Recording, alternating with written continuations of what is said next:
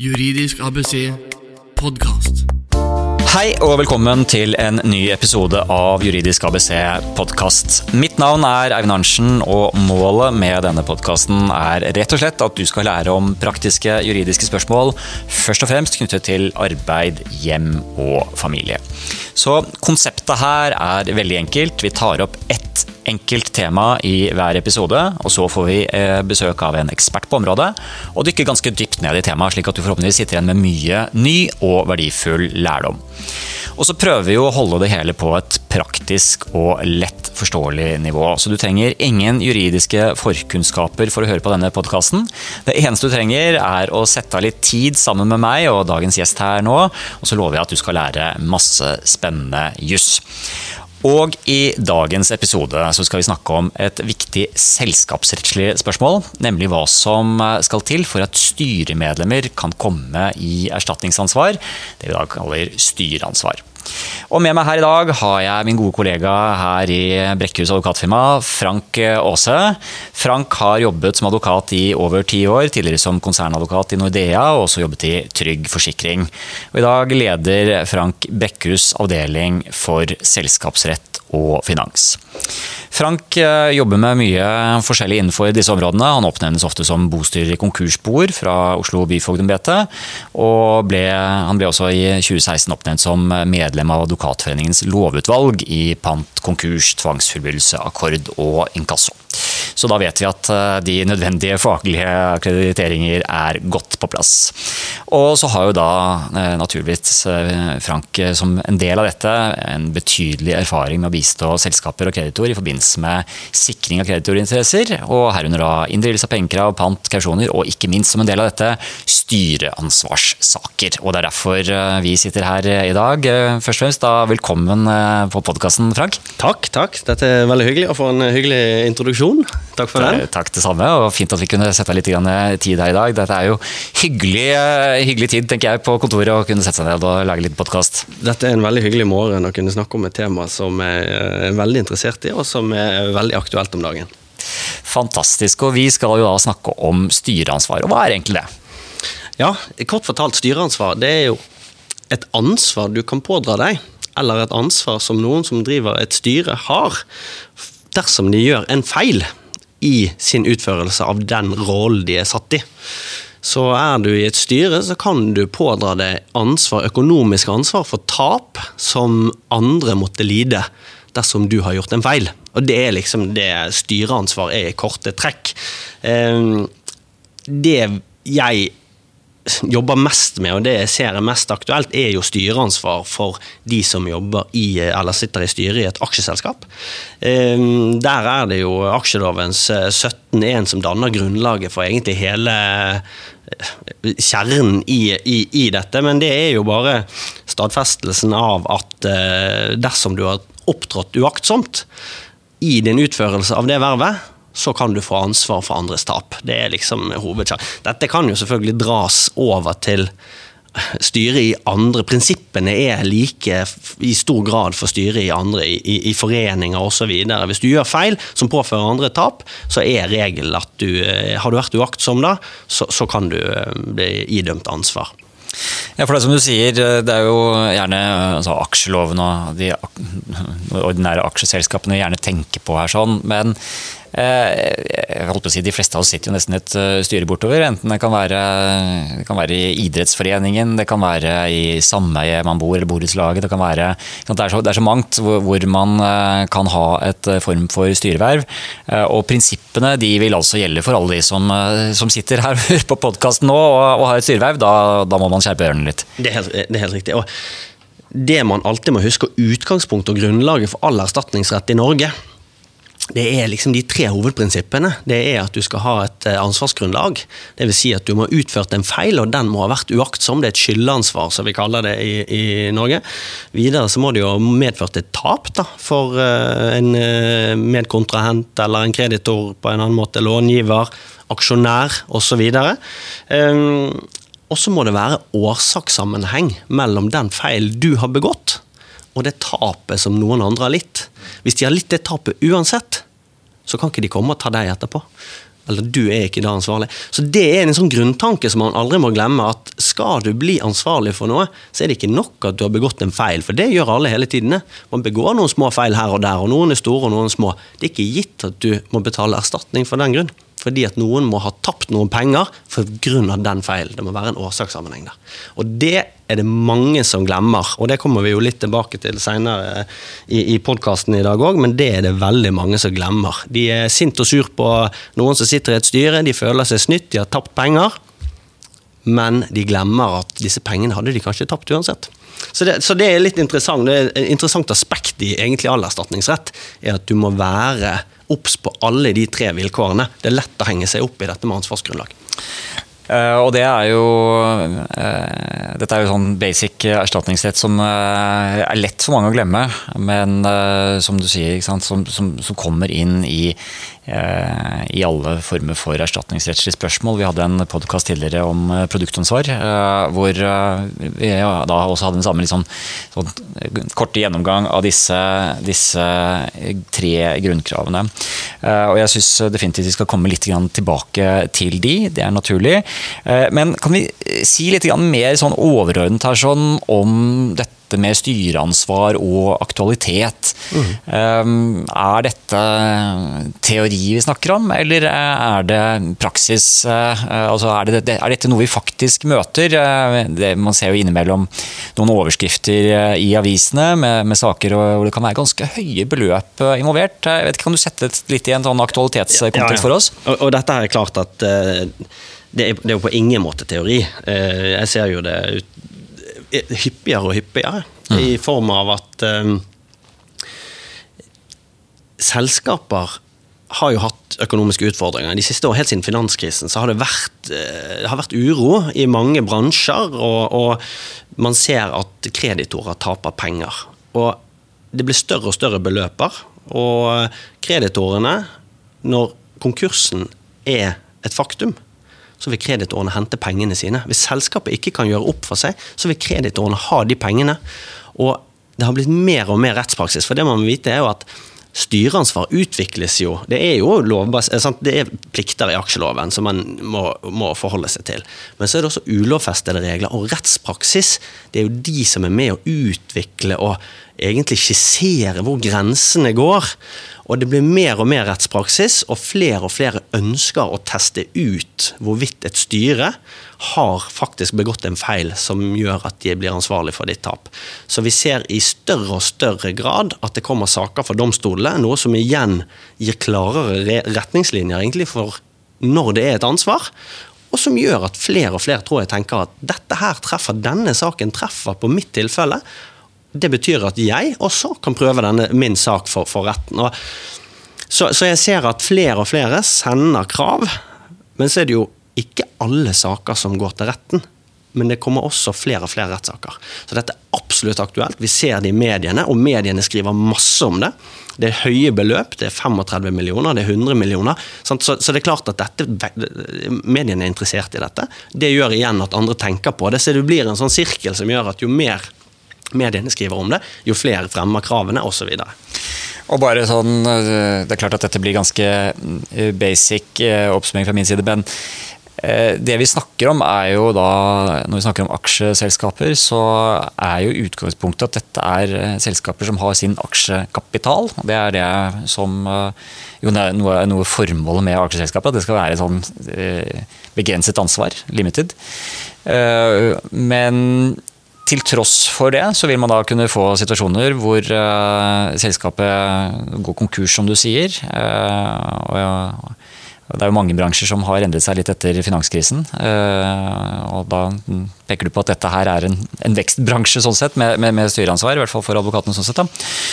Men, men, hvor ansvaret blir gjort gjeldende selv om selskapet går konkurs, og eh, de som sitter eh, da som eiere eller ansvarlige eller da i styret, i utgangspunktet, sånn teoretisk utgangspunkt, ikke skulle ha et ansvar, men så får de det likevel pga. klanderverdig opptreden. Og, så, og dette er jo da, de som blir ansvarliggjort, er jo mennesker av kjøtt og blod. Så når du nevner disse beløpene, 35 millioner, 15 millioner, 100 millioner kroner, så er det enkeltpersoner som får dette rettet mot seg og må sitte i en domstol og forsvare seg og risikerer å tape hus og hjem og hele familien. Hele formuen. Og, og det er klart det, og, og der har vi jo eh, det som er litt sånn kjernen i dette. Når du driver et aksjeselskap, så har du et begrenset ansvar. Mange selskap drives jo av en og samme person. Andre selskaper har jo aksjonærer som er inne og investerer, og forventer jo at styret ivaretar da selskapets interesser, og på den måten også skal de generere en profitt til aksjonæren igjen. Eh, når du har et begrenset ansvar for alle andres på en måte kreditt som er gitt inn i selskapet, for det er jo sånn du driver butikk, mm så er det klart at aksjeloven har ganske strenge regler på kreditorvern. Dvs. Si at alle du samholder eller selskapet er inne og lager kontrakter med, de må ha et eller annet vern for at ikke aksjonærene skal putte alle pengene i lommen, eller styret skal snuske det unna. Alle disse tingene her. Så det er klart at det er et viktig prinsipp for å kunne drive et aksjeselskap med begrenset ansvar. Og det er jo utgangspunktet at du har ikke ansvar for selskapets gjeld når du driver et aksjeselskap. Som styre så er du ikke ansvarlig for selskapets forretningsmessige kontrakter, selv om de skulle medføre et tap for noen. Sånn er utgangspunktet, men likevel, du er nødt til å passe på at du opptrer i rollen sånn som den står i aksjeloven, sånn som lovgiver har ment at du skal gjøre dette, for at du skal kunne drive et, eh, eh, et aksjeselskap med begrenset ansvar. Og Det er klart det er noen typiske saker som vi ser er gjengangere. Det er jo kontraktsparter som har inngått eh, leverandører typisk som ikke får betalt. Det er jo eh, på, som jeg har nevnt, og det er jo aksjonærer. Og der ser vi jo i dag at aksjonærer ble mer og mer interessert i hvordan selskapene drives. Det sto jo nettopp kommentar, eh, på kommentarplass i DN for et par dager siden også, hvor, hvor eh, Lucy Marcus, som er administrerende i Marcus Venture Consulting, som skrev om akkurat dette at vi ser at aksjonærene sitter ikke stille og ser på beslutninger som fattes. De, ikke, de, får ikke bare rapporter fra styret og aksepterer det uten å si noe. Nei, de vil at styret skal handle på best mulig måte, at de skal gjøre det riktige for at verdien deres skal øke. Man er inne og investerer, og vil selvfølgelig ha best mulig avkastning på investeringen sin. Så eh, det presses fra veldig mange kanter, ser vi. Og, og, så er skattemyndighetene også inne i bildet. De går også etter eh, styret hvis man eh, gjør ting feil. Så det er veldig mange du har fiender, som du kan kalle når du sitter i et styre. Men, men uh, man blir jo lett skuddredd av å høre på sånne ting. Så, jeg skal oppsummere med noen, uh, trøstende ord på slutten i dag. Det er veldig bra, Nei, og nå har vi jo fått, vi trukket opp litt av, av lerretasjen sånn, sånn sett, men det vi altså det, det, som etter mitt syn blir det sentrale her, er jo dette med, med ansvarsgrunnlaget. og Det har jo da sidene du peker på med, med tanke på uh, der hvor det er begått ting som er klanderverdig.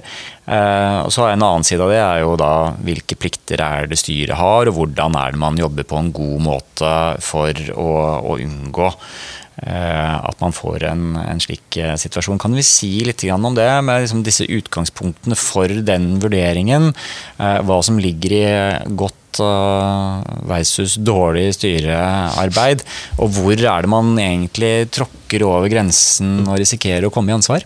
Mm. Og det er klart, dette er dette er rosinen i pølsen, sånn som jeg ser det. Det er dette alle lurer på. Hva skal jeg gjøre for å unngå ansvar? Eller hvem kan jeg gå etter? Har de gjort noe feil? Det er klart, Ansvarsgrunnlaget er jo liksom fundamentet, storfundamentet som du må ha på plass. Det er enklere å føle og ta på dette med økonomisk ansvar. og årsakssammenheng. Det er sånn at Du merker når det sitter. Så ansvarsgrunnlag Jeg tenker jo, jeg pleier alltid å skissere når jeg snakker om dette, og, og, og det begynner å bli en del ganger, så, så, så, så, pleier jeg å skissere det opp i tre deler. Og Sette opp en slags pyramide. altså å si at Styrets plikter de endres for hvordan den økonomiske situasjonen i et selskap er. Vil si at under normal drift så vil du alltid ha denne tilsynsplikten, og du skal sørge for at det er ordentlig rapportering og den type ting som, som eh, man eh, har i, i, i aksjeloven 612 og 613. Og, og, og, um, det er liksom normaldriften. Den ligger alltid der som en base. Men, men eh, for selskapet økonomiske utfordringer, at egenkapital eller likviditeten blir presset, du ser at du kan ha noen utfordringer med å betale i tide osv., så, videre, så er det klart at aktivitetsplikten til styret det skjerpes. Aksjeloven tillegger da noen nye plikter til styret, som sier at, at um, man har en handlingsplikt da. Når det er uh, mangel på forsvarlig egenkapital og likviditet, så har styret en handling, handlingsplikt for å rette opp i dette. Og så har man jo liksom siste del av denne pyramiden, toppen av isfjellet, som jeg sier, da er du inne i insolvenssituasjonen. Altså. Da har du en eh, gjeld som er høyere enn eh, aktiva, og du klarer ikke å betale løpende. Da får du jo i tillegg denne oppbudsplikten din, så du hele tiden må eh, vurdere. Så det er klart at du har en sånn, et sånn trappetrinn der som gjør at du må bare huske at det er tre deler her, og får du i normaldriften din, så er det jo forvaltning og tilsynsplikten som gjør at du og det, og det, ser vi også senere. Kommer du i ansvar, så er det ofte domstolene går inn og kritiserer hvordan man har forholdt seg til denne tilsynsplikten som styre. Så, så, dette er grunnlaget for hele denne ansvars... Eh, det første trinnet da, for å komme i, i styreansvar, for å si det sånn. Men er det bare jeg tenker Det er jo mange selskaper som eh, går litt underskudd innimellom, og kanskje sliter med å betale regninger eh, til til tider, men eh, det er jo det er vel ikke sånn at man skal eh, begjære oppbud så fort eh, man møter noen utfordringer? Nei, nei, nei. Eller hvor, hvor, hvor, hvor, i pyramiden er det liksom, hvor, er det man begynner å bevege seg oppover i pyramiden? Hva er liksom de typiske, de praktiske eh, tegnene da, som styret kan eh, se, se, opp etter for, for å kunne se liksom, når er det vi må gripe inn? Nei, det er klart at uh man, sant, Normaldriften er jo for så vidt grei. Man må bare, den ligger jo der hele tiden. Når du merker at et selskap ikke kan betale gjerne Når du gjennomgår årsregnskapene dine og utarbeider årsregnskap, så er det jo mange ganger at styret får en overraskelse og ser at egenkapital kan være tapt. Den kan være negativ. Man har kanskje merket en stund at man har hatt problemer med å betale. Man ser at likviditeten ikke strekker helt til. Mm. Det er klart eh, Merker at det er litt stramt? Man merker at det er litt stramt, og det er greit så lenge det er i en begrenset periode.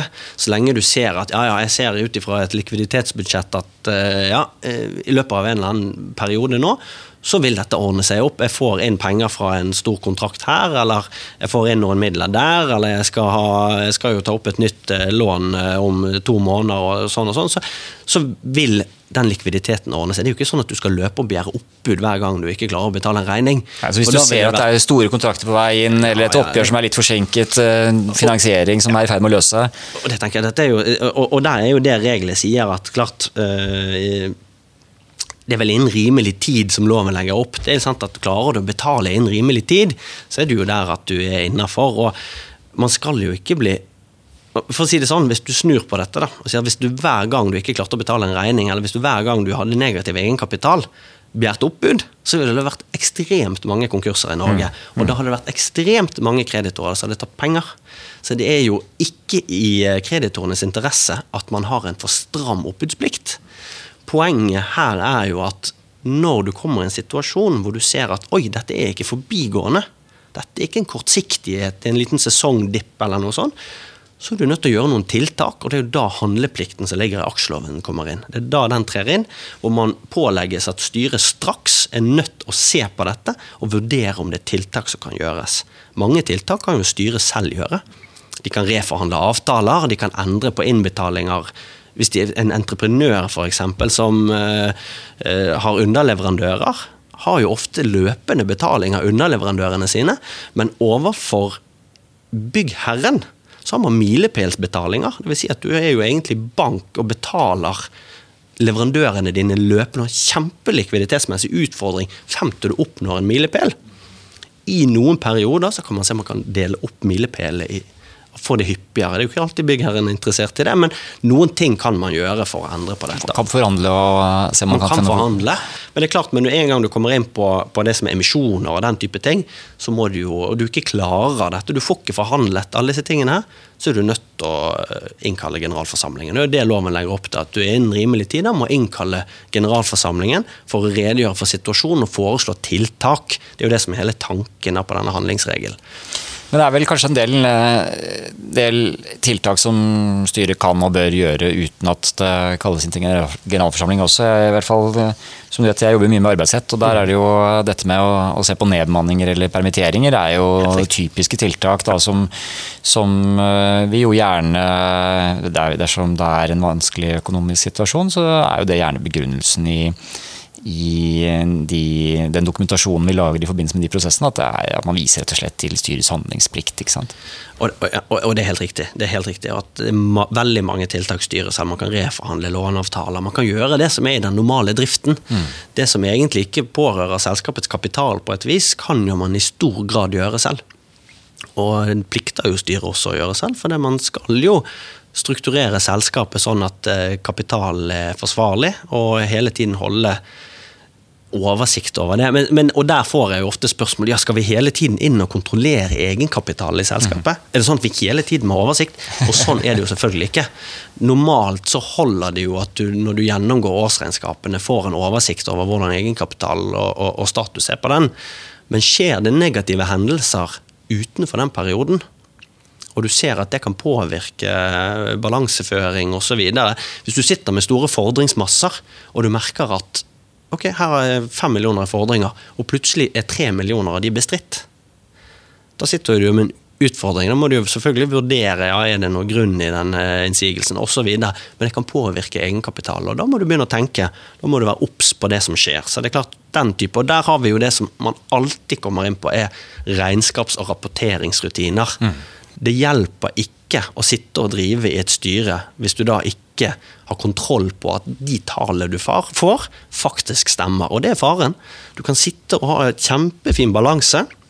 Du kan sitte og se på aktivapostene dine og si at dette ser jo så flott ut, men det underliggende er at her er det oppblåste tall, det er feil tall. Man har rett og slett ikke gode nok rutiner for å fange det. Og da kan man fort havne i ansvar hvis det senere viser seg at du har drevet nå i et halvt år egentlig som et insolvent selskap og pådratt masse ny gjeld. Så det å sørge for at uh, virksomheten er organisert på forsvarlig måte, det ligger i, kjernen her. Og da at man har de, de, rette personene og rutinene for å sørge for at man har kontroll- og styringsverktøyene. Det skjønner jeg at uh, er viktig, Frank. Du, jeg har lyst til å, Det er klart at det er veldig mange faguttrykk som vi bruker her på Eh, på podkasten. Og når vi er nå dypt inne i finansspørsmål, så dukker det også opp en del eh, eh, ganske grunnleggende begreper, men som kanskje noen lurer på. Og bare så vi har det liksom klart for oss eh, når du snakker om egenkapital og balanse. Mm. Eh, helt eh, kort definisjoner, sånn at vi vet hva de forskjellige begrepene er. Egenkapitalen er jo noe som kommer inn i selskapene ved etablering. Kan du si mm. litt om hvor hvordan egenkapitalen etableres, og hvordan man kan kontrollere at den er i behold? Ja, og, og, og, her er det jo klart at Styret kontrollerer jo denne ved å gjennomgå regnskapene. egentlig. Dette er jo en egen post i regnskapene som er veldig enkel å se for et styre. Um, så lenge man, og, og, Utfordringen er jo der styret eller noen i selskapets ledelse selv fører regnskapene. Men har du en regnskapsfører, eller revisor, som eh, bistår deg, og det mener jeg jo at i veldig mange tilfeller så bør man uh, ha det på plass. Så uh, er det å finne egenkapital egentlig bare gå inn i en post i regnskapet og se hvordan den ser ut. Um, og det er verdiene som ligger i Helt, helt klart. sant. Ja. Og, og, og, eh, så det er en veldig sånn enkel øvelse. Problemet er jo det som skjer innimellom årsregnskapsperioden. Mm. Om hvordan det påvirker uh, egenkapital. Og det, der kommer jo styret til meg og sier at jeg klarer ikke å beregne ut dette. sier nei, Men det er jo heller ikke forventningen at du skal sitte og ha det. Og det er jo sånn, hva kan man forvente av et styre?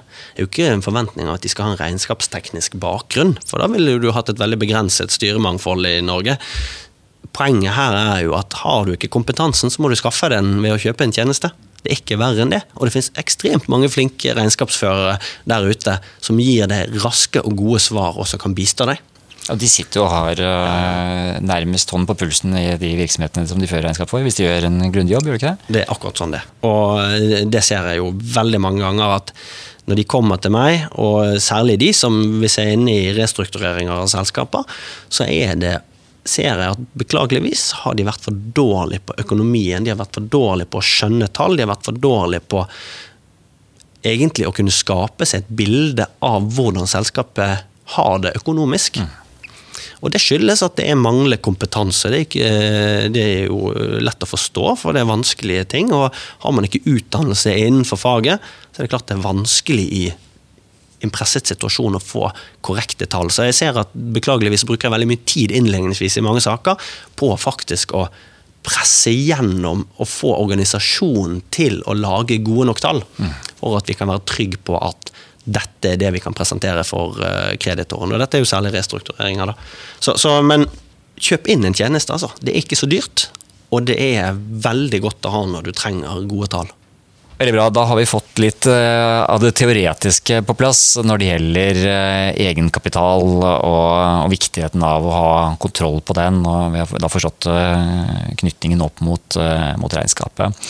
har du noen praktiske praktiske eksempler på dette, Frank? Altså, rettspraksis må jo ha gitt oss noen ledetråder. Du var inne på det innledningsvis, at det har vært eh, stadig flere saker. Har vi noen nyere saker som eh, kan hjelpe oss med å forstå hva dette dreier seg om i praksis? Ja, og det er jo klart at domstoler, særlig høyere instanser, eh, har jo går jo grundig gjennom dette når de er i dommene. Det er vanskelige vurderinger, og de må klare å de må jo begrunne avgjørelsene sine. Mm. Og de begrunner de ofte veldig godt. Lagmannsretten er jo, Borgarting lagmannsrett har jo flere veldig gode dommer på området, særlig en fra 2013 hvor caset kanskje ikke er så ekstremt uh, interessant i seg selv, men, men, dette her gjaldt jo egentlig et selskap som var gått konkurs, og, og, og uh, styret hadde jo da, eh, eller selskapet hadde jo bestilt tjenester fra et bilverksted hvor man var i en situasjon hvor selskapet var klart insolvent og hadde negativ egenkapital. Og det er jo det man ser veldig ofte, selv om kanskje ikke selskapet vet det, så er de i den situasjonen. Og, og, og, der synes jeg, og det er jo litt sånn en dom som jeg mener at veldig mange bør lese hvis man sitter i et styre, fordi at det gir noen gode pekepinn, veldig god pekepinn på hvilke regler som ligger der, hvilke forpliktelser man har som et styre, osv. Jeg, jeg, jeg, jeg pleier ofte, det er én ting som jeg syns er fint uh, å, å, ta opp i denne dommen. Den er fra 2013. Og, og um, det gjelder jo at de tar jo først utgangspunkt i dette um, ja, forvaltningsansvaret. Da, at du har en plikt til å holde deg orientert om selskapets økonomiske situasjon og føre tilsyn med hvordan virksomheten drives. Og, og eh, viser jo videre til handlingsplikten osv. Dette med forsvarlig egenkapital, som vi nå har snakket en del om. Og det de sier, er jo at man skal gjøre en skjønnsmessig vurdering av selskapets samlede kapitalgrunnlag. Og det er ikke bare egenkapitalen. Det retter seg mot den reelle, og det er ikke den balanseførte egenkapitalen. Og det var jo det vi snakket om i sted. Balanseført kan jo fremstå kjempeflott, men det er det reelle som er det avgjørende. Mm. Um, og så er det jo dette med, med handleplikten. Og da sier man jo også at man oppstiller en handleplikt. og samme gjelder jo da at det gis et visst spillerom for feilvurderinger uten at det oppstår erstatningsansvar.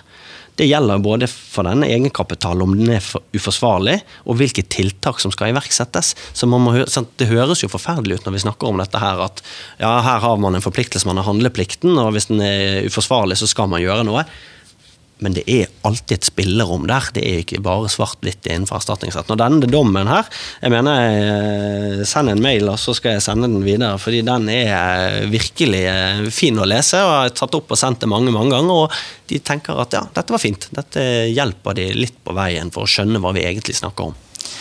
Ehm, vi gjør det sånn at eh, på Juridisk ABC så lager vi alltid en side for hver eh, podkastepisode. Så da legger vi ut eh, referansen til der, så kan man gå inn og, og, klikke seg inn. Og sitter du og hører på en mobiltelefon nå, så skal det være mulig å gå inn og se det som på godt norsk heter show notes. Uh, og så skal jeg prøve å få lagt inn en liten lenke til den der. Og hvis ikke så er referansen, har du kanskje der sånn, for hvis det er noen jurister som. Du, den er LB 2013 170795. Ja, da er det LB 2013 170795 hvis noen også da vil bruke det og finne den i Lovdata. Bra. Eh, og da har vi hørt litt av hva domstolene sier når man er i disse vurderingene. Du hadde en pyramide som jeg syns var et eh, godt eh, bilde her, sånn, Frank. Altså, for å minne om det. det er som jo, jo mer prekær situasjonen er, jo mer alvorlig situasjonen er for et uh, selskap, uh, jo mer skjerpes plikten, jo, jo, jo spissere blir pyramiden. Uh, sånn sett. Eh, jeg tenker jo det at eh, Du har vært litt inn på dette med insolvens. Mm. Det må jo være den, den mest alvorlige situasjonen. Da man er liksom i, i, toppen av pyramiden og alle varsellampene blinker rødt. Eh, hvordan forholder vi oss der? Nei, det er klart at her, her er vi jo over i en situasjon hvor uh, selskapet er jo enten det er insolvent, eller det er i ferd med å bli insolvent. Og så sier folk ja, hva er insolvens? Det er jo egentlig bare kort fortalt eh, det som vi var inne på, at du har uh, gjeld som er høyere enn aktiva, du får en negativ egenkapital, og du uh, vil, vil ikke ha mulighet til å betale regningene dine når de forfaller. Er to vilkår som begge to må være oppfylt. Ja. Som begge må være oppfylt. Og det er likviditet og insuffisiens, som det heter på, på fagspråket. Um, og det som er med på en måte at du ikke har penger til å betale, er jo at eh, det ikke er utsikter til at kreditorene innen rimelig tid får dekning for sine krav. Det er ikke slik at klarer ikke du å betale i dag, men over helgen så er du insolvent. Er ikke, vi er ikke der. Men, men, eh, har du ikke utsikter til at de får dekning nå i løpet av en rimelig periode, så er det klart at uh, da kan du begynne å nærme deg en faresone. Ja, for mange har vel uh, skrapt nedi og hatt uh, noen våkenetter og lurt på hvordan de skal betale arbeidsgiveravgiften eller momsen eller hva det måtte være. Men kommer du over kneika hver gang, uh, ja. så, så, er det greit, det er det du sier. Men ja. når, når, du ser at jeg, jeg, kan ikke betale momsen, jeg kan ikke betale arbeidsgiveravgiften, jeg kan ikke betale husleien, og, og, i hvert fall ikke lønnen, og jeg håper kanskje at det ordner seg til høsten, men det ja. vet ikke. Og, og, og, her må vi huske at vi er utenfor handleplikttilfellet. For det du nevner nå, er jo egentlig at da er man midt inn i der at man har en handleplikt. Men har man gjort alle tiltakene, har man forsøkt, har man gått til generalforsamlingen og sagt at vi må ha kapital, det er ingen som vil stille, eierne vil ikke stille mer penger til disposisjon. Og det skjønner jeg, for de ser at det er en risiko for at de taper det. Så er man kanskje over i det som er oppbudssituasjonen. Og, um, du, det er jo veldig enkelt å si ja, er du insolvent, så er det jo bare å oppbud, du har jo ikke noe fremtid. Men du lever jo ofte i en gråsone her. Du lever i en periode hvor du er ute etter å se om det finnes tiltak. Du er liksom midt mellom handleplikten og egentlig insolvensen, mm. som er en kjempevanskelig situasjon for et styre. Og det er jo ingen styreskole som heter at på tredje år så skal du lære om insolvenssituasjonen. Det er ikke sånn det fungerer. Dette må du, det, dette må du lære deg underveis, mm. og det er erfaringsbasert. Så du ser profesjonelle styreaktører de har jo dette mer under huden enn en som kanskje har ett eller to styreverv, og som, aldri, som helst driver en normal situasjon. Og da får du veldig mange spørsmål, og eh, man har kanskje vært litt optimistisk, eh, gjerne ser man, eh, i en litt for lang periode. Så, så man er over i den eh, insolvenssituasjonen. Og, og det som man må huske med oppbudsplikten, og som vi var inne på tidligere, er at eh, man må jo ikke begjære oppbud hvis du har en, et berettiget håp om at dette skal ordne seg hvis du har noen tanker og vurderinger som gjør at dette kan vi komme ut av hvis vi gjør noe forskjellig, så er det jo ikke slik at du skal begjære oppbud. Du kan f.eks. tenke vi har hatt saker hvor man har drevet eh, en virksomhet, og så har man fått eh, et vedtak fra skattemyndighetene på ekstrainnbetaling på moms. Det kan være flere titalls millioner kroner. Som man mener er fullstendig uriktig. Mens eh, skattemyndighetene opprettholder sitt eh, vedtak og eh, setter en betalingsfrist på to uker. Hmm. Og Da kommer de til meg og sier men Frank, vi er jo dundrende insolvent. Her er det forfalt et krav på 15 millioner kroner. Jeg har ikke sjans å betale. Det er jo helt åpenbart. Mm. Du, skal vi begjære oppbud nå? Og da er man jo inne i dette. Hvis du går inn og får en vurdering av det skatterettslige her, som sier at dette her, øh, f.eks. momsvedtaket, eller avgiftsmessige, momsvedtaket her er basert på helt feil opplysninger. Dette kan vi ikke forholde oss til. Det er klart at Du må ikke begjære oppbud, for da er det jo veldig trist for de andre kreditorene når mm. dette vedtaket senere mm. endres. Mm.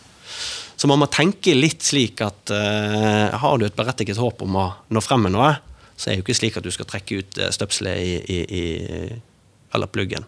Nei, nei, og Det har jo vært noen ganske spektakulære saker i senere tid, hvor både uh, skattemyndighetene og, og Økokrim for så vidt har uh, gått ganske friskt ut med, med, krav uh, mot selskaper. Og så viser det seg at det var ikke så mye luft i ballongen igjen når, når rettsapparatet hadde behandlet kravene. Det er klart det, og det som man ikke ønsker Lovgiver har jo ikke noe ønske om å ramme selskaper med insolvenspliktene, ramme selskaper hvor det på en måte situasjonen ikke forverres ytterligere. Hvis du er stabilt dårlig, og du tenker at dette skal jeg klare å reparere på sikt, mm. skal klare å få dette opp, så er sant, du øker jo ikke tapet til kreditorene. Alt er allerede tapt. Her er det om å gjøre å prøve å minimere tapet. Og, og um, det er da man er inne i denne løpende vurderingen, og der ser vi jo, vi kommer veldig tett på, du ser Norske Skog for eksempel, som er et kjempegodt eksempel på hvor vanskelig situasjonen er for et styre. De hyrer jo inn advokater og ekspertise som sitter løpende. Det var jo vel jeg leste kan ta en sånn kort oppsummering sånn for uh, de som ikke kjenner Norske Skog-eksempelet så veldig godt. Altså, det har vært mye omtalt uh, i, uh, i, avisene siste, særlig siste året, men det har jo vært problemer i, i skogen lenge. Ja. Og, og, og, det er klart at norske skogsituasjonen den har jo mange lest om i og jeg er jo ikke den som er best egnet til å kanskje si uh, helt uh, grunnleggende hva styret jobbet med løpende der, men det vi så, var jo at selskapet klarte jo ikke å betale uh, den gjelden de hadde pådratt seg. De hadde rett og slett ikke nok lønnsomhet i butikken til å betale den gjelden. Og de var løpende i forhandlinger og løpende i utsettelse av, av eh, forfall på lån osv. Og, så videre, og hadde veldig mange de skulle forhandle med. Og, og, jeg ser jo eh, Dette har jo vært mye i, i både DN og andre steder at man var vel en periode her hvor jeg så at de hadde 19 styremøter i løpet av eh, fire måneder. Og det er jo ikke hverdagskost for et vanlig styre. Og det er klart, fordi i disse situasjonene her, det får jeg alltid spørsmål om, ja, hva er viktig for oss nå? Det er alltid å gjøre ordentlige og lojale og gode vurderinger. Det kommer domstolen tilbake igjen gang på gang. er at Gjør du ordentlige, lojale vurderinger, har du berettiget håp som er velfundert om at dette skal ordne seg, så kan du drive videre. Men du må selvfølgelig passe på at ikke det er ytterligere tap. Og Dette kommer vi litt inn på etterpå, hvis ikke kreditoren aksepterer det. Så, så, så, og, og, der er styreprotokoller alfa og omega. Det er søknaden din om ansvarsfrihet senere, når du har vist og du kan legge frem. For det er klart, styr, En styreansvarssak den oppstår jo på et tidspunkt. Du har jo begått feil på dag én, hvis vi tar det der. Men to år senere kan du jo i tanken da egentlig bli eksponert for dette, for det viser seg da ved konkursen to år senere at du har ikke hatt oversikt over økonomien fra den dagen. Det er vanskelig å sitte da, så tar det jo litt tid før saken kommer opp fra retten osv. osv. Det er vanskelig å sitte og huske alle vurderinger du hadde gjort i det styremøtet. Hvor mange styremøter hadde du? Hva snakket du om? Så en helt absolutt regel, mener jeg, er at du må føre ordentlige protokoller, selv om man, eh, man tar jo ofte det jeg hører vel, veldig ofte, er at vi snakket om dette rundt kaffemaskinen før vi skulle ut i det møtet. Det var jo et styremøte for styret var representert. Og da sier jeg at du må formalisere dette. Du må sette deg ned, ta den foten i bakken og gjøre det ordentlig. Før en protokoll. Hva snakket dere om, og hvorfor snakket dere om det, og hva var planen deres? Gjør du det, så kommer du veldig langt. Og det, det, handler rett og slett om uh, god styrehygiene, egentlig. Uh, ja. Å ha gode rutiner. Sørge for uh, ryddig innkalling, redegjøre for saken, gode saksfremlegg, god dokumentasjon mm. og protokoller mm. som viser hva som ble behandlet, og hva som ble, ble, ble besluttet, selvfølgelig. og så kan det da, sånn som jeg hører deg, så, så kan det jo være noen av disse vurderingene som er vanskelige. Eh, det kan også være andre som er helt uenig i det. Som eksempelet ditt med at skattemyndighetene kan komme med et krav, og så kan eh, det være gode grunner til å bestride det. Mm. Men hvis man da sitter i ser for meg at man sitter i en, en rettssal noen år senere, så vil det å ha en bunke med dokumenter som viser at man har jobbet samvittighetsfullt med det, man har ikke bare stukket hodet i sanden, men man har foretatt fornuftige vurderinger, og man har nedfelt de, da, da har man kommet langt, sånn som jeg forstår det Frank. Ja, det er helt riktig. Det er helt riktig. Og, og det er den lojale oppfølgingen av forpliktelsene sine som egentlig er det avgjørende her. Og at klarer man å vise at det foreligger en reell mulighet for å redde et selskap, på det tidspunktet man gjorde den vurderingen senere, så har det jo vist seg, så er jo fasiten der. Det viser jo seg at den var feil. Men på det tidspunktet, basert på den informasjonen du hadde da, var det en reell mulighet. Få det ned i styreprotokollen. Vis det så er det mindre sannsynlighet for at du blir eksponert for ansvar senere. Juridisk ABC podkast. Dette er veldig bra, Frank. Da føler jeg at vi begynner å få Vi begynner å komme godt og dypt ned i temaet her, sånn, og det er mye å lære. Og, og mye, mye, er jo egentlig litt sånn common sense. Eh, samtidig som eh, det sikkert for mange fremstår litt, litt skremmende med, med, mange av disse prinsippene og begrepene og bestemmelsene. Eh, jeg tenker at, eh, som litt, litt som vi er inne på med tanke på godt styrearbeid altså Eh, dette handler jo på sett og vis bare om å være ryddig og redelig. Eh, bare, kanskje. Men det er kanskje ikke bare for alle. Men eh, jeg tenker at det å, å være lojal i kontraktsforhold er et ganske viktig stikkord her. sånn. Og jeg vet at du også har, har, noen tanker rundt dette, og du er kanskje ikke alene om det. Kanskje har vi noe fra, fra Høyesterett her også. Mm. Kan du ikke si litt om dette med den, den lojalitetsplikten som hviler mm. på oss i kontraktsforholdet, og hvordan det virker inn på vurderingene om styreansvar? Ja, og dette, dette så klart, altså, Vi sier at har du overtrådt forpliktelsene dine i aksjeloven, hvis vi, hvis vi, begynner der, så havner du ofte fort i, eh, i, eh, ansvar. Det kan man jo si. Men det er jo ikke nok å bare lese aksjeloven for å bli klar over hvilke forpliktelser du har. For det er ulovfestede forpliktelser, ulovfestede regler for hvordan du skal opptre. Både som selskap, men også som styre. Og det er jo særlig det som har vært oppe veldig mange saker. Ulovfestet um, lojalitet i kontraktsforhold. Kravet til lojalitet i kontraktsforhold det gir en forpliktelse for selskapet til å gi informasjon til sine, kun, sine kreditorer, eh, medkontrahenter, hvis selskapets økonomiske situasjon er så dårlig at man ikke tror at man skal klare å betale de ved forfall. Det er en grunnsetning som veldig mange ikke tenker over. Det, og, og, hvis man snur på det, da, hvis man selv er leverandør mm.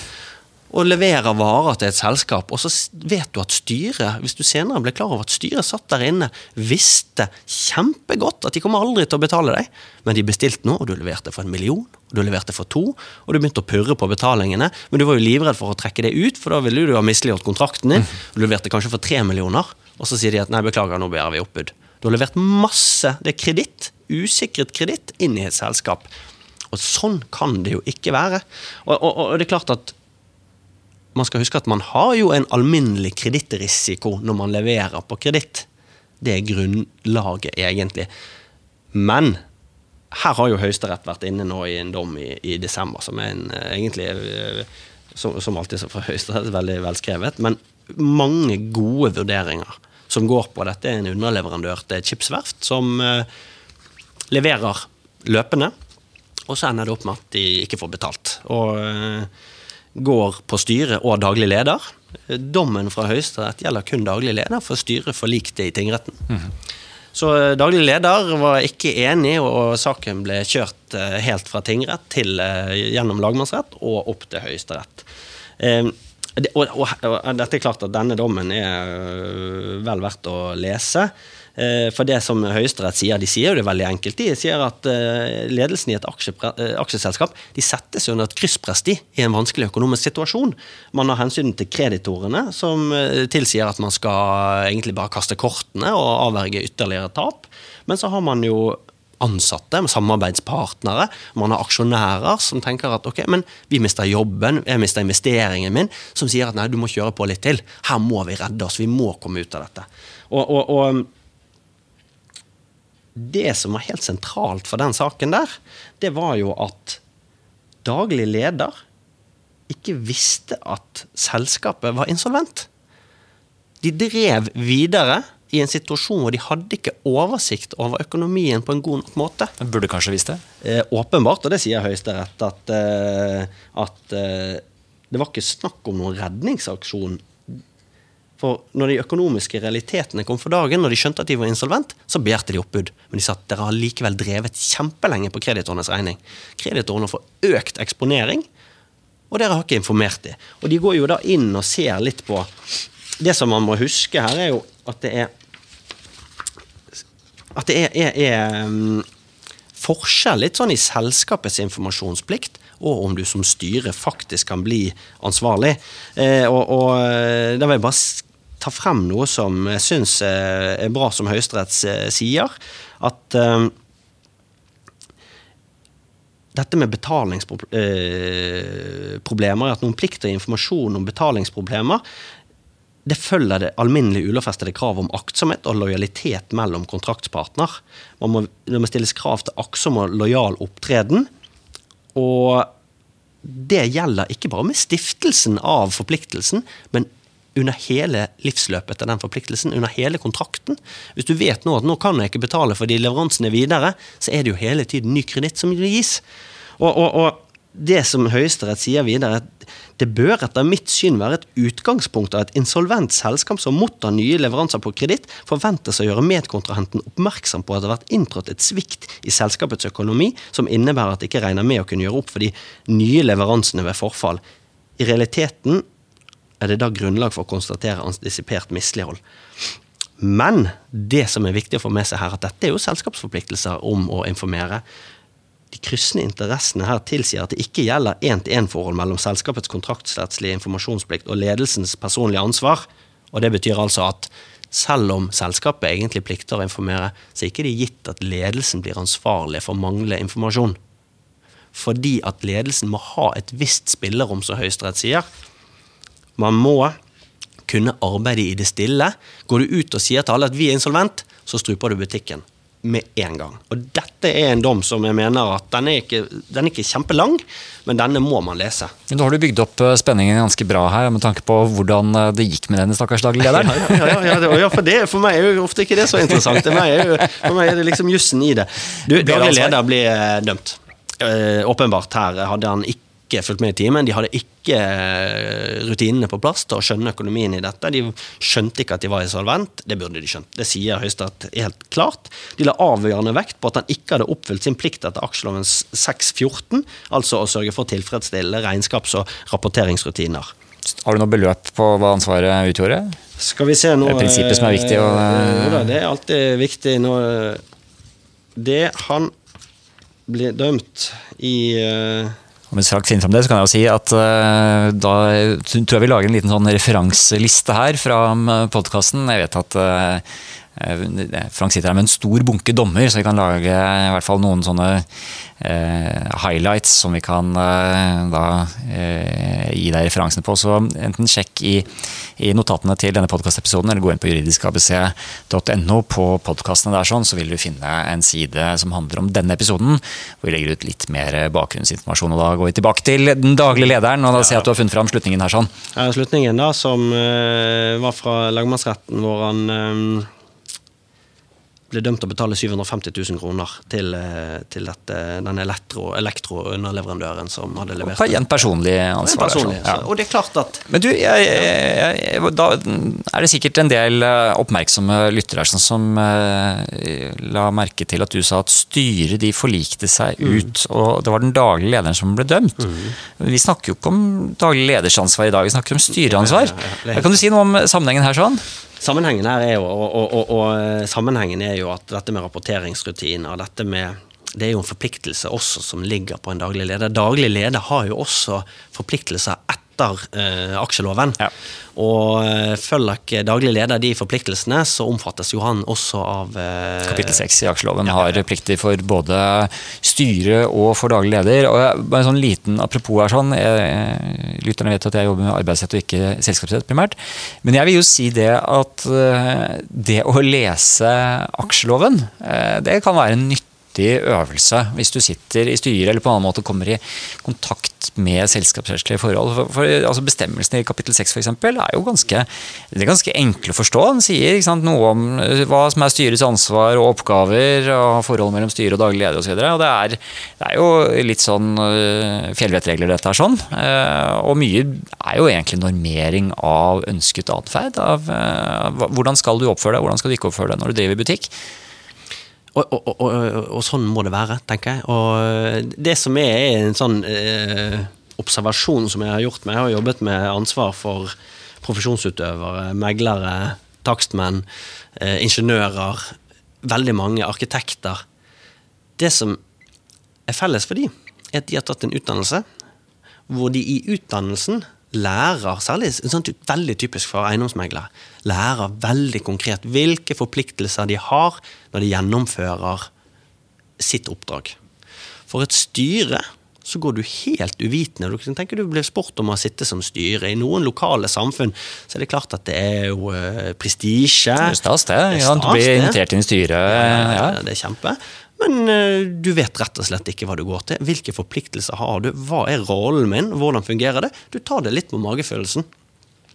Og du tenker at dette er en organisasjon, du googler litt, du leser litt regnskaper, som har kontroll. Og det kan de ha hatt kjempelenge. Problemet er at den kontrollen ikke gitt at den er like god når du kommer i litt sånn eh, dårlig farvann, og det begynner å bølge litt rundt deg. Så eh, jeg pleier å si at du må ta et lite kurs, eller du må gidde i det minste å lese aksjelovens bestemmelser. Få liksom litt inntrykk av hvilke forpliktelser Det finnes jo bøker om praktisk styrearbeid. Hva skal du gjennomføre? Så, så øh, veldig øh, Både skaffe seg kunnskap og selvfølgelig også da omsette den i praksis. Så det det er klart Her er det løpende eksempler for de av oss som leser DN og Finansavisen. Så Sist uke så har det vært mye fokus på eh, et selskap i, i Oslo som drev med det som på fint heter altså syndikering av eiendom. eh, Oppkjøp av eiendom, og var da splittet opp og solgt ut eiendeler. Eh, og Der var det så det var en, en advokat som hadde kommet inn som styreleder og hadde eh, så snudd i døren eh, så raskt som var mulig. Han skjønte raskt at det var piggråttent. Eh, Han unngår nok ansvar, vil jeg tro. To uker i stolen når du skjønner at ting er feil, så kaster du kortene. Det er kanskje ikke det som utgjør styreansvar, men det er jo sånn typisk situasjoner tenker jeg, hvor det er, liksom, det er ren svindel. og Da er man liksom langt, langt, langt inne i, i ansvarsgrunnlagene, så da er det ikke store problem sånn sett. Men og, ja. og, og da er du jo liksom over i en helt ny fase av egentlig det, som, vi egentlig som vi ikke skal gå inn på her i dag, men som er dette hvor det er øh, økonomisk kan være. Nå, ikke, nå skal jeg konk- konkludere den saken, Nei, men jeg har lest denne med eh, ja, mot oss. ja, ja, men jeg har lest den, eh, disse artiklene med interesse og, og, og sånn.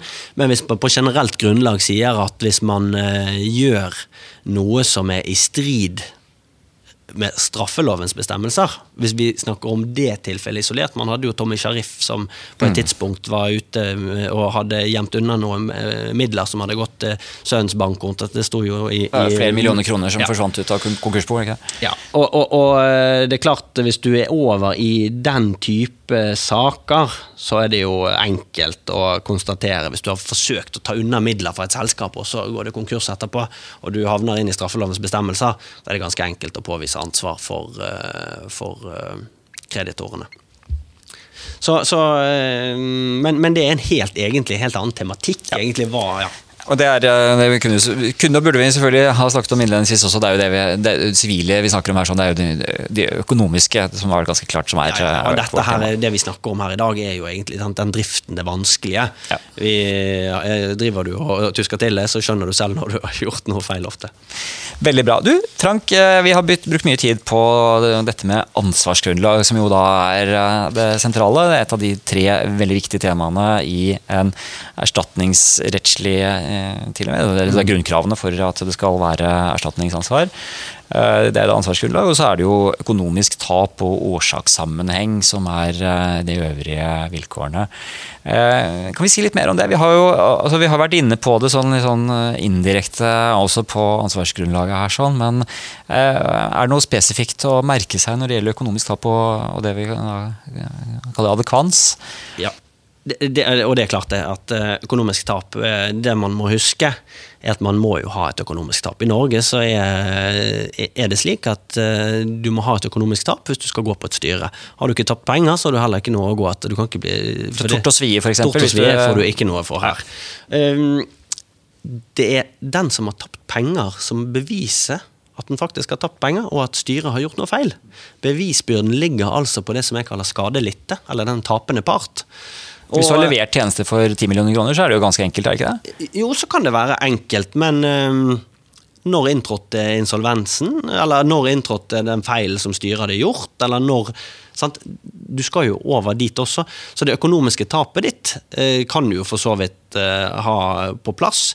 Spørsmålet er jo det som vi kommer over i dette med årsakssammenhengen. Knytter det seg til den feilen som styret har begått? Og det er vanskelig i noen tilfeller. Og her ser vi jo f.eks. i høyesterettssaken så sier de at ja, de begjærte oppbud med en gang de innså at de var insolvent, men feil var jo ikke der. Feil var jo mye tidligere, for de skjønte ikke at de var insolvent, og der er feil. Så du må klare å knytte det til dette med årsakssammenhengen, så er jo klart du er nødt til å knytte det Det tapet du har hatt, må du knytte til den feilen som er begått.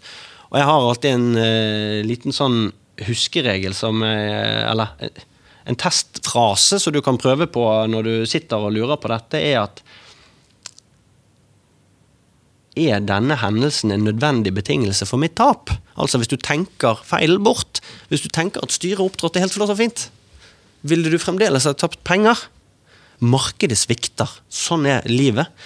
Så kan det selvfølgelig være styret har begått en feil i noe, men det er ikke gitt at den feilen til styret har påført et tap for deg. Så du må gjøre en sånn type teoretisk øvelse og, og, se på Pengene kan være tapt for lenge siden før styret faktisk gjorde en feil. Eh, og det ser jeg jo veldig ofte hvis jeg representerer eh, styresiden i denne type saker. Så er, det, så er jo mitt, mitt, råd til styret da, er å behandle de brev, eller de, eh, krav du mottar, på en god måte. Ikke avfeie det og si bare 'dette er bare tull og tøys', for da kan du fort få et søksmål i posten. Mm. Hvis du går inn i argumentene til motparten, de føler seg åpenbart snytt, de mener at de har tapt penger, og drar frem essensen og prøver å sette det ned på papir og si at når det gjelder ansvarsgrunnlag, så er vi uenige på bakgrunn av sånn og sånn. Når det gjelder økonomisk tap, så har ikke du dokumentert det. Det er enkelt å dokumentere f.eks. Eh, fakturaer som ikke har blitt betalt når man har levert ytelser etter en insolvenssituasjon. Det er det jo enkleste tilfellet, men det finnes jo veldig mange tilfeller hvor det egentlig bare har blitt veldig mye gjeld. Har det økt? Har det minket? Hvor, sant? Så det med økonomisk tap må du klare å si. Det må du si til den som har fremmet krav mot deg at hør her, dette er ikke dokumentert. Dette må du fremlegge. Du hører at du sier at du har tapt så og så mye. Det har uansett ikke noe med vår feil å gjøre. Vi har ikke begått feil, men uansett om vi har begått feil, så er ikke det årsakssammenheng her. Klarer du å få frem det budskapet på en god måte, merker man jo ofte at disse sakene faller litt bort. Fordi at det bygger opp en stor risiko knyttet til det å gå til søksmål. Og det er jo det som har vært innsigelsene mot uh, vårt rettssystem, at det er de rike som har anledning til å gå til søksmål og få testet sakene sine. Og for mange så er det å bruke uh, si at uh, ja, jeg skal sette av en risikopott her på 1,5 million for å gå til søksmål mot styreleder A, det er de kanskje ikke villige til. For det, hvis de taper den, så dekker de også eh, styreleders eh, omkostninger. Så det roer seg veldig ofte hvis du svarer på en god måte og gjennomgår disse anførslene på en god måte. Og, og, og sammen når jeg bistår på, på, de som faktisk fremmer disse kravene, så må du bygge saken din i første brev. Du må ikke glemme å hoppe bukk over økonomisk tap. Du må ikke hoppe bukk over årsakssammenheng. Du må sannsynliggjøre at her er det faktisk et uh, Her er alle vilkårene oppfylt. Og det er det og veldig mange som glemmer. Som med så veldig mange andre uh, saker vi uh, får som advokater, så handler det om å gjøre en god jobb på faktum først. Eh, sørge for å kartlegge og dokumentere best mulig. Og på bakgrunn av analysen og det man kan trekke ut av faktum, så kan du eventuelt bygge et juridisk eh, krav. Ja. Men det er ikke bare å eh, vise til en faktura eller vise til et regnestykke. Du må, du må gjøre en langt større jobb enn det, skjønner jeg, for å komme i mål med et, et krav her sånn. Jeg, jeg bare lurer på, I tilknytning til, til, dette, du var inne på denne dommen fra desember 2017, mm. der styret hadde forlikt. Eh, så vet jo ikke vi om de hadde noen forsikring eller ikke. Jeg vet jo, Du har jo bakgrunn fra forsikringsbransjen. Jeg har jo sittet i noen styrer selv. Eh, jeg har alltid hatt som vilkår at skal jeg sitte i styret, skal jeg ha en styreansvarsforsikring. Mm. Kan vi si noe om dette oppi det hele? Det er klart at det vil, det, det vil jo være For den som er skadelidt, så vil jo det for så vidt, det, det, altså det, endrer jo ikke noe på at det kan være en situasjon som medfører styreansvar. Det er mer hvem som da eventuelt uh, betaler. Men det er jo relevant både for de som sitter i styret, uh, for å unngå å eksponere seg personlig.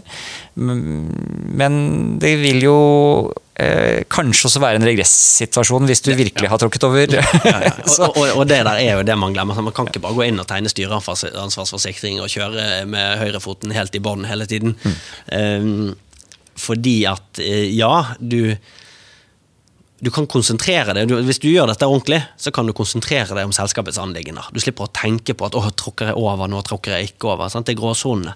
Men er det klart Over, Overser du sentrale forpliktelser som styret har, så eh, skal man lese forsikringsvilkårene veldig godt. De er jo forskjellige fra selskap til selskap, men, og jeg skal ikke reklamere for noen her, men det er klart at det er forskjell i hvordan de oppstiller regressadgangen sin. For det at eh, Forsikringsselskapet de, eh, de, de, skal ikke gi deg noe sånn blankofullmakt og gjøre akkurat som du vil. Det er ikke det de gjør. De eh, hjelper deg hvis du har opptrådt på en eh, riktig og god måte og får et krav mot deg som du ble dømt for, men det er klart har du grovt over, gått over disse reglene her, så um, hjelper de det jo ikke. Sånn er det jo med veldig mye forsikring, da. I, og, og, og, men, men, jeg er akkurat som deg, at rådet mitt er skal du inn i et styre, få på plass en styreansvarsforsikring. Det er en billig forsikring, og du slipper å være bekymret for hus og hjem hvis du gjør jobben din ordentlig. Uh, og da er vi litt sånn utenfor kjernen her, sånn, men er det mange regressaker? Kjenner du til det? Uh, eller? Det, noen er det jo, selvfølgelig. Ja, ja. Det er klart at noen er det. men hvor, hvor, mye det representerer, det har jeg ikke noe tall på i det hele tatt.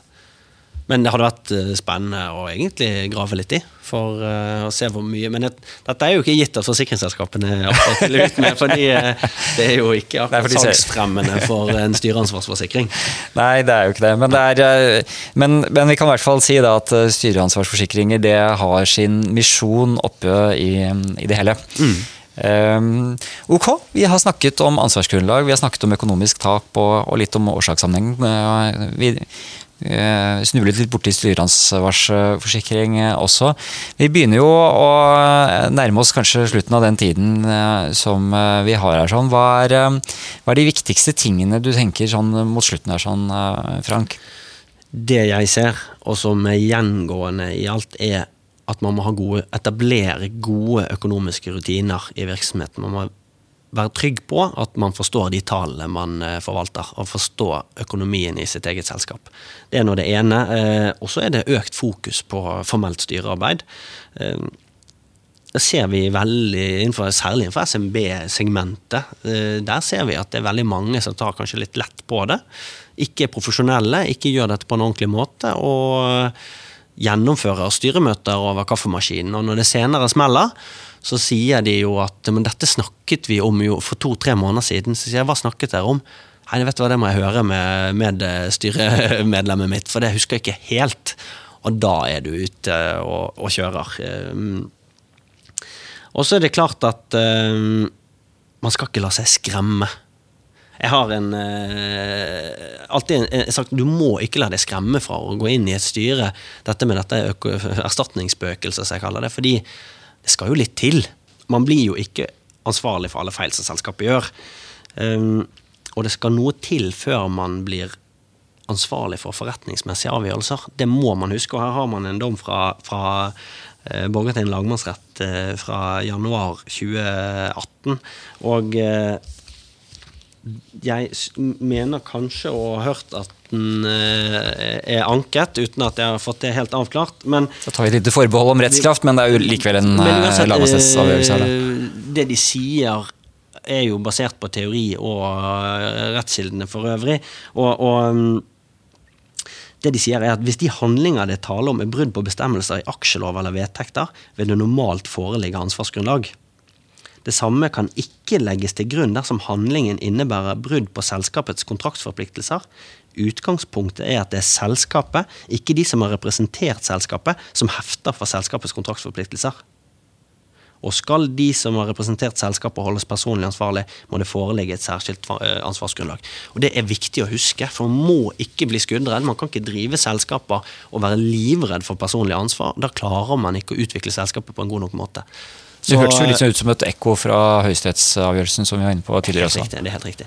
Og eh, er man bekymret for økonomi, knytt til en rådgiver på økonomi. Er man bekymret for forpliktelser man har, ta en prat med en advokat. Det er mange som prater og liker å prate om dette, og det er klart eh, det er en billig forsikring å rett og slett bare se om man er på riktig kurs. Veldig bra. Og eh, jeg syns det er utrolig viktig at vi understreker dette, Frank. At eh, målet med denne episoden er på ingen måte å skremme noen fra å sitte i styret. Det er viktig at vi har flinke folk eh, i styrer. Og det er spennende å arbeide med, med, med styrearbeid. Så vi håper jo da at dette har vært litt rettledning på hva som skal til for at eh, ansvar foreligger. Og som vi forstår, det skal en del til. Mm. Det er de klart klanderverdige eh, situasjonene som kan føre til ansvar. Så ta det som en påminnelse om det, og eventuelt også en kunnskap om eh, hvilke kontraktsmotparter mm. som man eventuelt kan da gå etter dersom man driver fornuftig forretning. Og det tror vi at alle som hører på Juridisk ABC er fornuftige folk som, som forhåpentligvis driver også fornuftig i den grad man driver virksomhet. Uh, og, da har noe av målet i dag vært uh, også det å gi deg kunnskap, sånn at du vet når det er naturlig i hvert fall vurdere å gå etter uh, aktører som har påført tap. Med det så er det vel også det en, en viktig ting å si mm, her mot slutten, Frank. At nå når denne podkasten går på luften her sånn sommeren 2018, så er det jo også sånn at du har satt opp kurs i dette. Du, du holder jo gjerne gjerne ofte kurs og webinarer og det ene og det andre. Og har planer nå om et kurs som helt tilfeldig ligger rett opp mot Skift-konferansen, som jeg er veldig opptatt av ja. for tiden. Vi har 13.9. Eh, kan du fortelle litt om eh, hva er planene for styreopplæring til høsten? Nei, det er klart at dette her, Jeg får jo veldig mange forespørsler om jeg kan fortelle, gi de, disse her knaggene på hva skal vi gjøre, hvordan skal vi unngå ansvar osv. Og, så og uh, jeg har holdt flere foredrag hvor jeg har egentlig tatt litt for meg de praktiske konsekvensene. Gått inn litt på dommene, snakket litt rundt de. Hva er det som faktisk gjør Når du hører faktum i en dom, mm. så skjønner du egentlig at det skal litt til.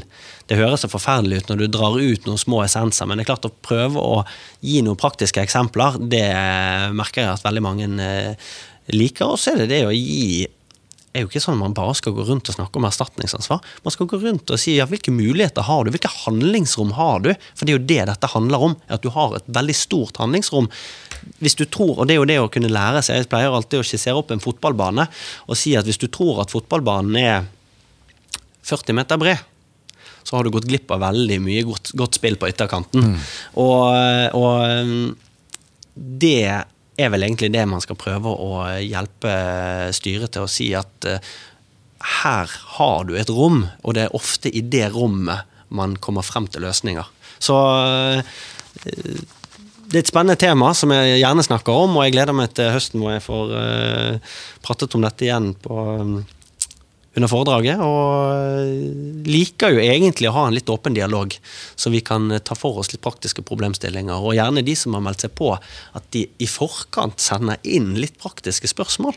For det er en god eh, Da ser man litt hva styrene der ute egentlig lurer på. Det er jeg helt enig i. Det alltid veldig, gjør alltid kursene veldig mye bedre. Hvis du hører på og har lyst til å vite mer om eh, styreopplæring med Frank Aase, så Eh, er det en veldig enkel eh, ting du kan gjøre. Gå inn på nettsiden eh, for podkasten.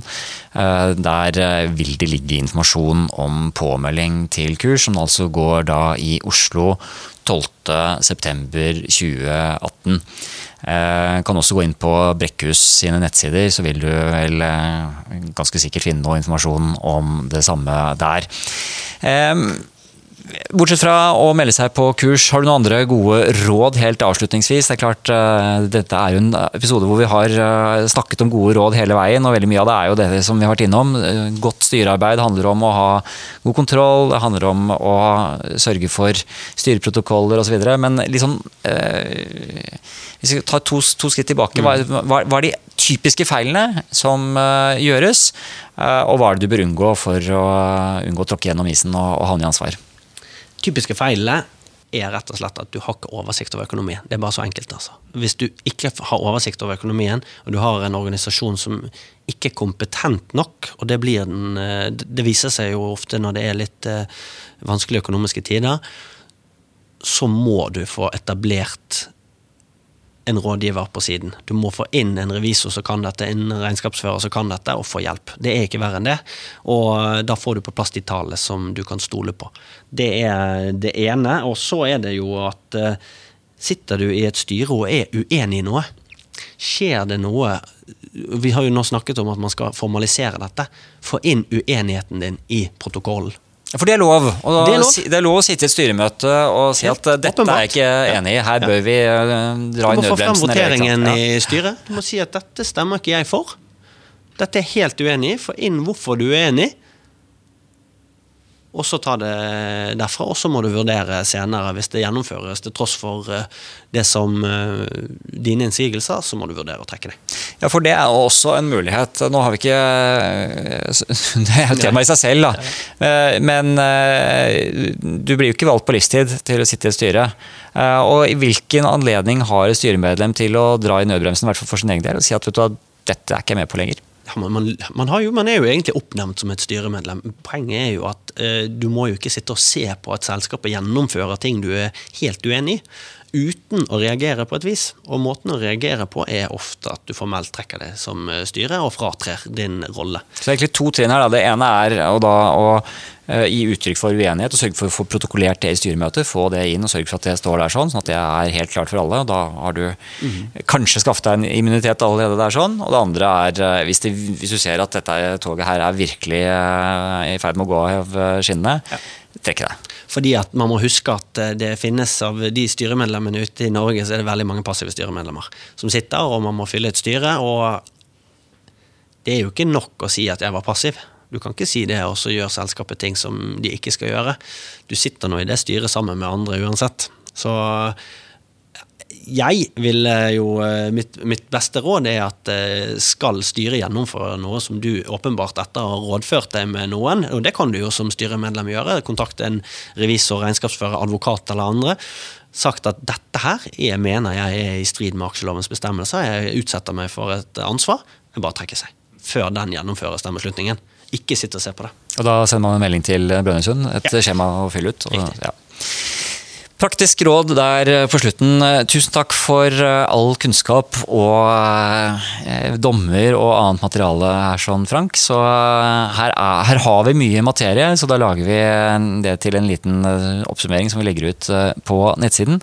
Og så er det altså mulighet til å være med på kurs til høsten, i hvert fall hvis du hører på dette før før 12.9.2018, da er det bare å eh, kjenne sin besøkelsestid, for å si det sånn, eh, og, og få mer informasjon eh, på, enten på juridiskabc.no eller på brekkhus.no. Eh, Og hvis det er noen som sitter inne og ikke kan vente til å gå på kurs med deg, men som har behov for eh, juridisk bistand, så regner jeg med at du svarer på både telefon og mail. Hvordan kan man nå deg, eh, Frank? Du, det enkleste er jo bare å ringe ofte. Jeg tenker at eh, tar du opp telefonen og ringer, så får vi jo avdekket eh, veldig mye eh, med tanke på situasjonen du står i, og så videre. Og eh, lett ofte å si at ja, dette er nok et tilfelle som enten du, enten om du er på styresiden da, sier at dette, ja, ja, dette bør du være varsom med, eller om du er på, på de som har tapt penger og sier at ja, her har du kanskje noe å fare med. Så mm, ta en telefon og ta en fot i bakken, og er det en stor sak, så tar man et møte på det og går igjennom eh, faktum på en god måte, får tall på bordet. Så eh, er det ofte vel, det hjelper veldig mange. Og går kverne, ser nå går kverene, Jeg får ofte styret kommer inn og sier at du vet hva, jeg går rundt, jeg skal på skoleavslutninger med barna, jeg har ikke hodet på plass. Ta en fot i bakken med en rådgiver, det er ikke flaut. Det er det man skal gjøre, og da er man et aktivt og godt styre som lojalt følger opp de forpliktelsene man har. Det er ikke verre enn det. Nei, bare si det at eh, vi advokater, og det er noe av målsettingen med denne podkasten, er også det å, gjøre Vi advokater er jo opptatt av å gjøre informasjonen tilgjengelig. Eh, og håper at du har lært mye av å høre på denne podkasten. Og eh, det er selvfølgelig bare å ta kontakt med oss hvis du har en konkret sak, hvis du står i en situasjon hvor du har behov for juridisk eh, hjelp. Liten begrensning jeg føler at jeg må legge til for egen del, at jeg får daglige henvendelser. Folk som ringer og har bare et kort spørsmål og, og bare vil liksom ha, eh, ti minutter av min tid, det har jeg ikke anledning til å svare på. Vi har ikke anledning til å gi liksom, gratis rådgivning til alle som ringer, det er ikke det som ligger i det. Men det er klart at sitter du i en situasjon hvor eh, du skjønner at du har behov for hjelp, ja, da skal du ikke, skal du ikke la være å ta kontakt, altså, enten med oss eller andre. Sørg for å få eh, enten revisor eller advokat, sørg for å få bistand. Og vi har mye kunnskap om dette, så ta gjerne kontakt hvis du har en situasjon hvor du skjønner at det er nødvendig. Det er helt klart. Veldig bra. Og da, med det, så sier vi eh, tusen takk eh, for at du var med, Frank. Takk for at jeg fikk komme. Og takk til deg som hørte på. Og på gjenhør. Du hører Juridisk ABC podkast. Det var dagens episode av Juridisk ABC podkast. Tusen takk for at du hørte på. Helt til slutt så tenkte jeg å komme med litt eh, praktisk informasjon. For det første, hvis du vil eh, vite mer om sakene Frank og jeg snakket om, så har vi lagt ut de på juridiskabc.no. Gå inn på podkast, så vil du se at den siste episoden som er lagt ut der, sånn, den har en egen side. Alle, alle episodene har en egen side, og der ligger det mer informasjon om innholdet, men også da mulighet til å melde deg på kurset med Frank. Og det vil jo da være nå til høsten, og Eh, er jo et gratiskurs. Det er jo definitivt noe å vurdere å være med på. For det andre, hvis du liker denne podkasten, så setter jeg stor pris på om du tar deg tid til å gå innom iTunes og legge igjen en anmeldelse. Jeg har sagt det før, og jeg sier det igjen, de anmeldelsene vi får på iTunes er utrolig viktige for at eh, vi blir synlige i iTunes, og at vi får flere lyttere, som gjør det mulig å prioritere arbeidet med denne podkasten. Det tar ganske mye tid og koster litt penger å lage denne podkasten. Det er utrolig gøy å lage den, fordi jeg vet at det er mange der ute som hører på, og det er fantastisk artig. Og i av det, hvis du har noen ord og, eller noen tilbakemeldinger, eh, send meg gjerne en e-post. Send den på post at juridiskabc.no, så kommer den til meg. Sett stor, stor pris på alle innspill. Og helt til sist, hvis du har arbeidsgiveransvar, altså hvis du jobber som leder, daglig leder eller HR-ansvarlig, så håper jeg definitivt å se deg 30 19.9. på Hotell Continental i Oslo. Da er nemlig årets store begivenhet, eh, spør du meg. Da er det tid for arbeidsrettsdagen for Skiftkonferansen 2018. Det er et fantastisk lag med foredragsholdere vi har i år også. Eh, min kollega Erin Simonsen her fra Brekkhus eh, er med. Vi har med Nicolai Skarning fra Kvale, Ole André Oftebro og Nils Christian Lie fra Reder, Lill Egeland fra Simonsen Fuktvik. Og så har vi fått Hans Christian Amundsen, tidligere statssekretær på Arbeiderpartiets stortingsgruppe, kjent mediemann, som kommer for å ha, ha keynote. Han skal snakke om eh, ledelse når stormen treffer. Og øvrige temaer for dagen er nyheter innen arbeidsretten, nye dommer og nye regelutvikling, regelutviklingen på området. Vi skal ha om GDPR for HR, vi skal ha om ansatte som ikke fungerer, når kan du gå til oppsigelse. Vi skal snakke om de vanskelige personalsakene, alt fra diskriminering og metoo til andre typer komplekse situasjoner som dukker opp på arbeidsplassen. Sykefraværsoppsigelse, eller oppfølging og eventuell oppsigelse ved sykdom. Og så er det veldig hyggelig på disse dagene at vi har lagt opp til liksom businessmingle etterpå, med et uh, godt glass og noe å bite i og gode samtaler, og mulighet til, selvfølgelig til å spørre foredragsholderne eh, spørsmål som handler om temaene som de har snakket om, eller kanskje også andre temaer. I hvert fall en veldig eh, stor dag, syns jeg, og jeg håper definitivt at du også blir med. Det er lagt ut billetter som du finner på Eh, shiftacademy.com, eh, eller hvis du da søker Arbeidsrettsdagen 2018, så skal det være fullt mulig å google seg fram til det også. Eh, Skiftkonferansen.no er også en alternativ eh, URL, og det ligger selvfølgelig også lenker til en på juridiskabc.nos side til denne episoden. Hå, nå ble det mange praktiske opplysninger her sånn. Håper det definitivt å se deg, som sagt. Eh, når jeg tar opp dette, så er det blitt 21. juni 2018, eh, og to tredjedeler av billettene er i øyeblikket solgt etter én uke. Det er én uke siden vi la det ut, så det er ikke helt Birken, men det er ikke langt unna heller. Så med det så uh, sier jeg takk for i dag, og uh, på et snarlig gjenhør så håper jeg at vi uh, kan holde kontakten. Fint. Ha det bra. Du har hørt Juridisk ABC podkast. For mer informasjon om dagens tema, se juridiskabc.no. Her finner du flere podkaster og artikler innen arbeidsrett, eiendomsrett, familierett og temaer for deg som driver egen virksomhet. Meld deg på vårt nyhetsbrev på juridiskabc.no. Produsert av Øystein Weibel og Kanonlyd. Kaboom!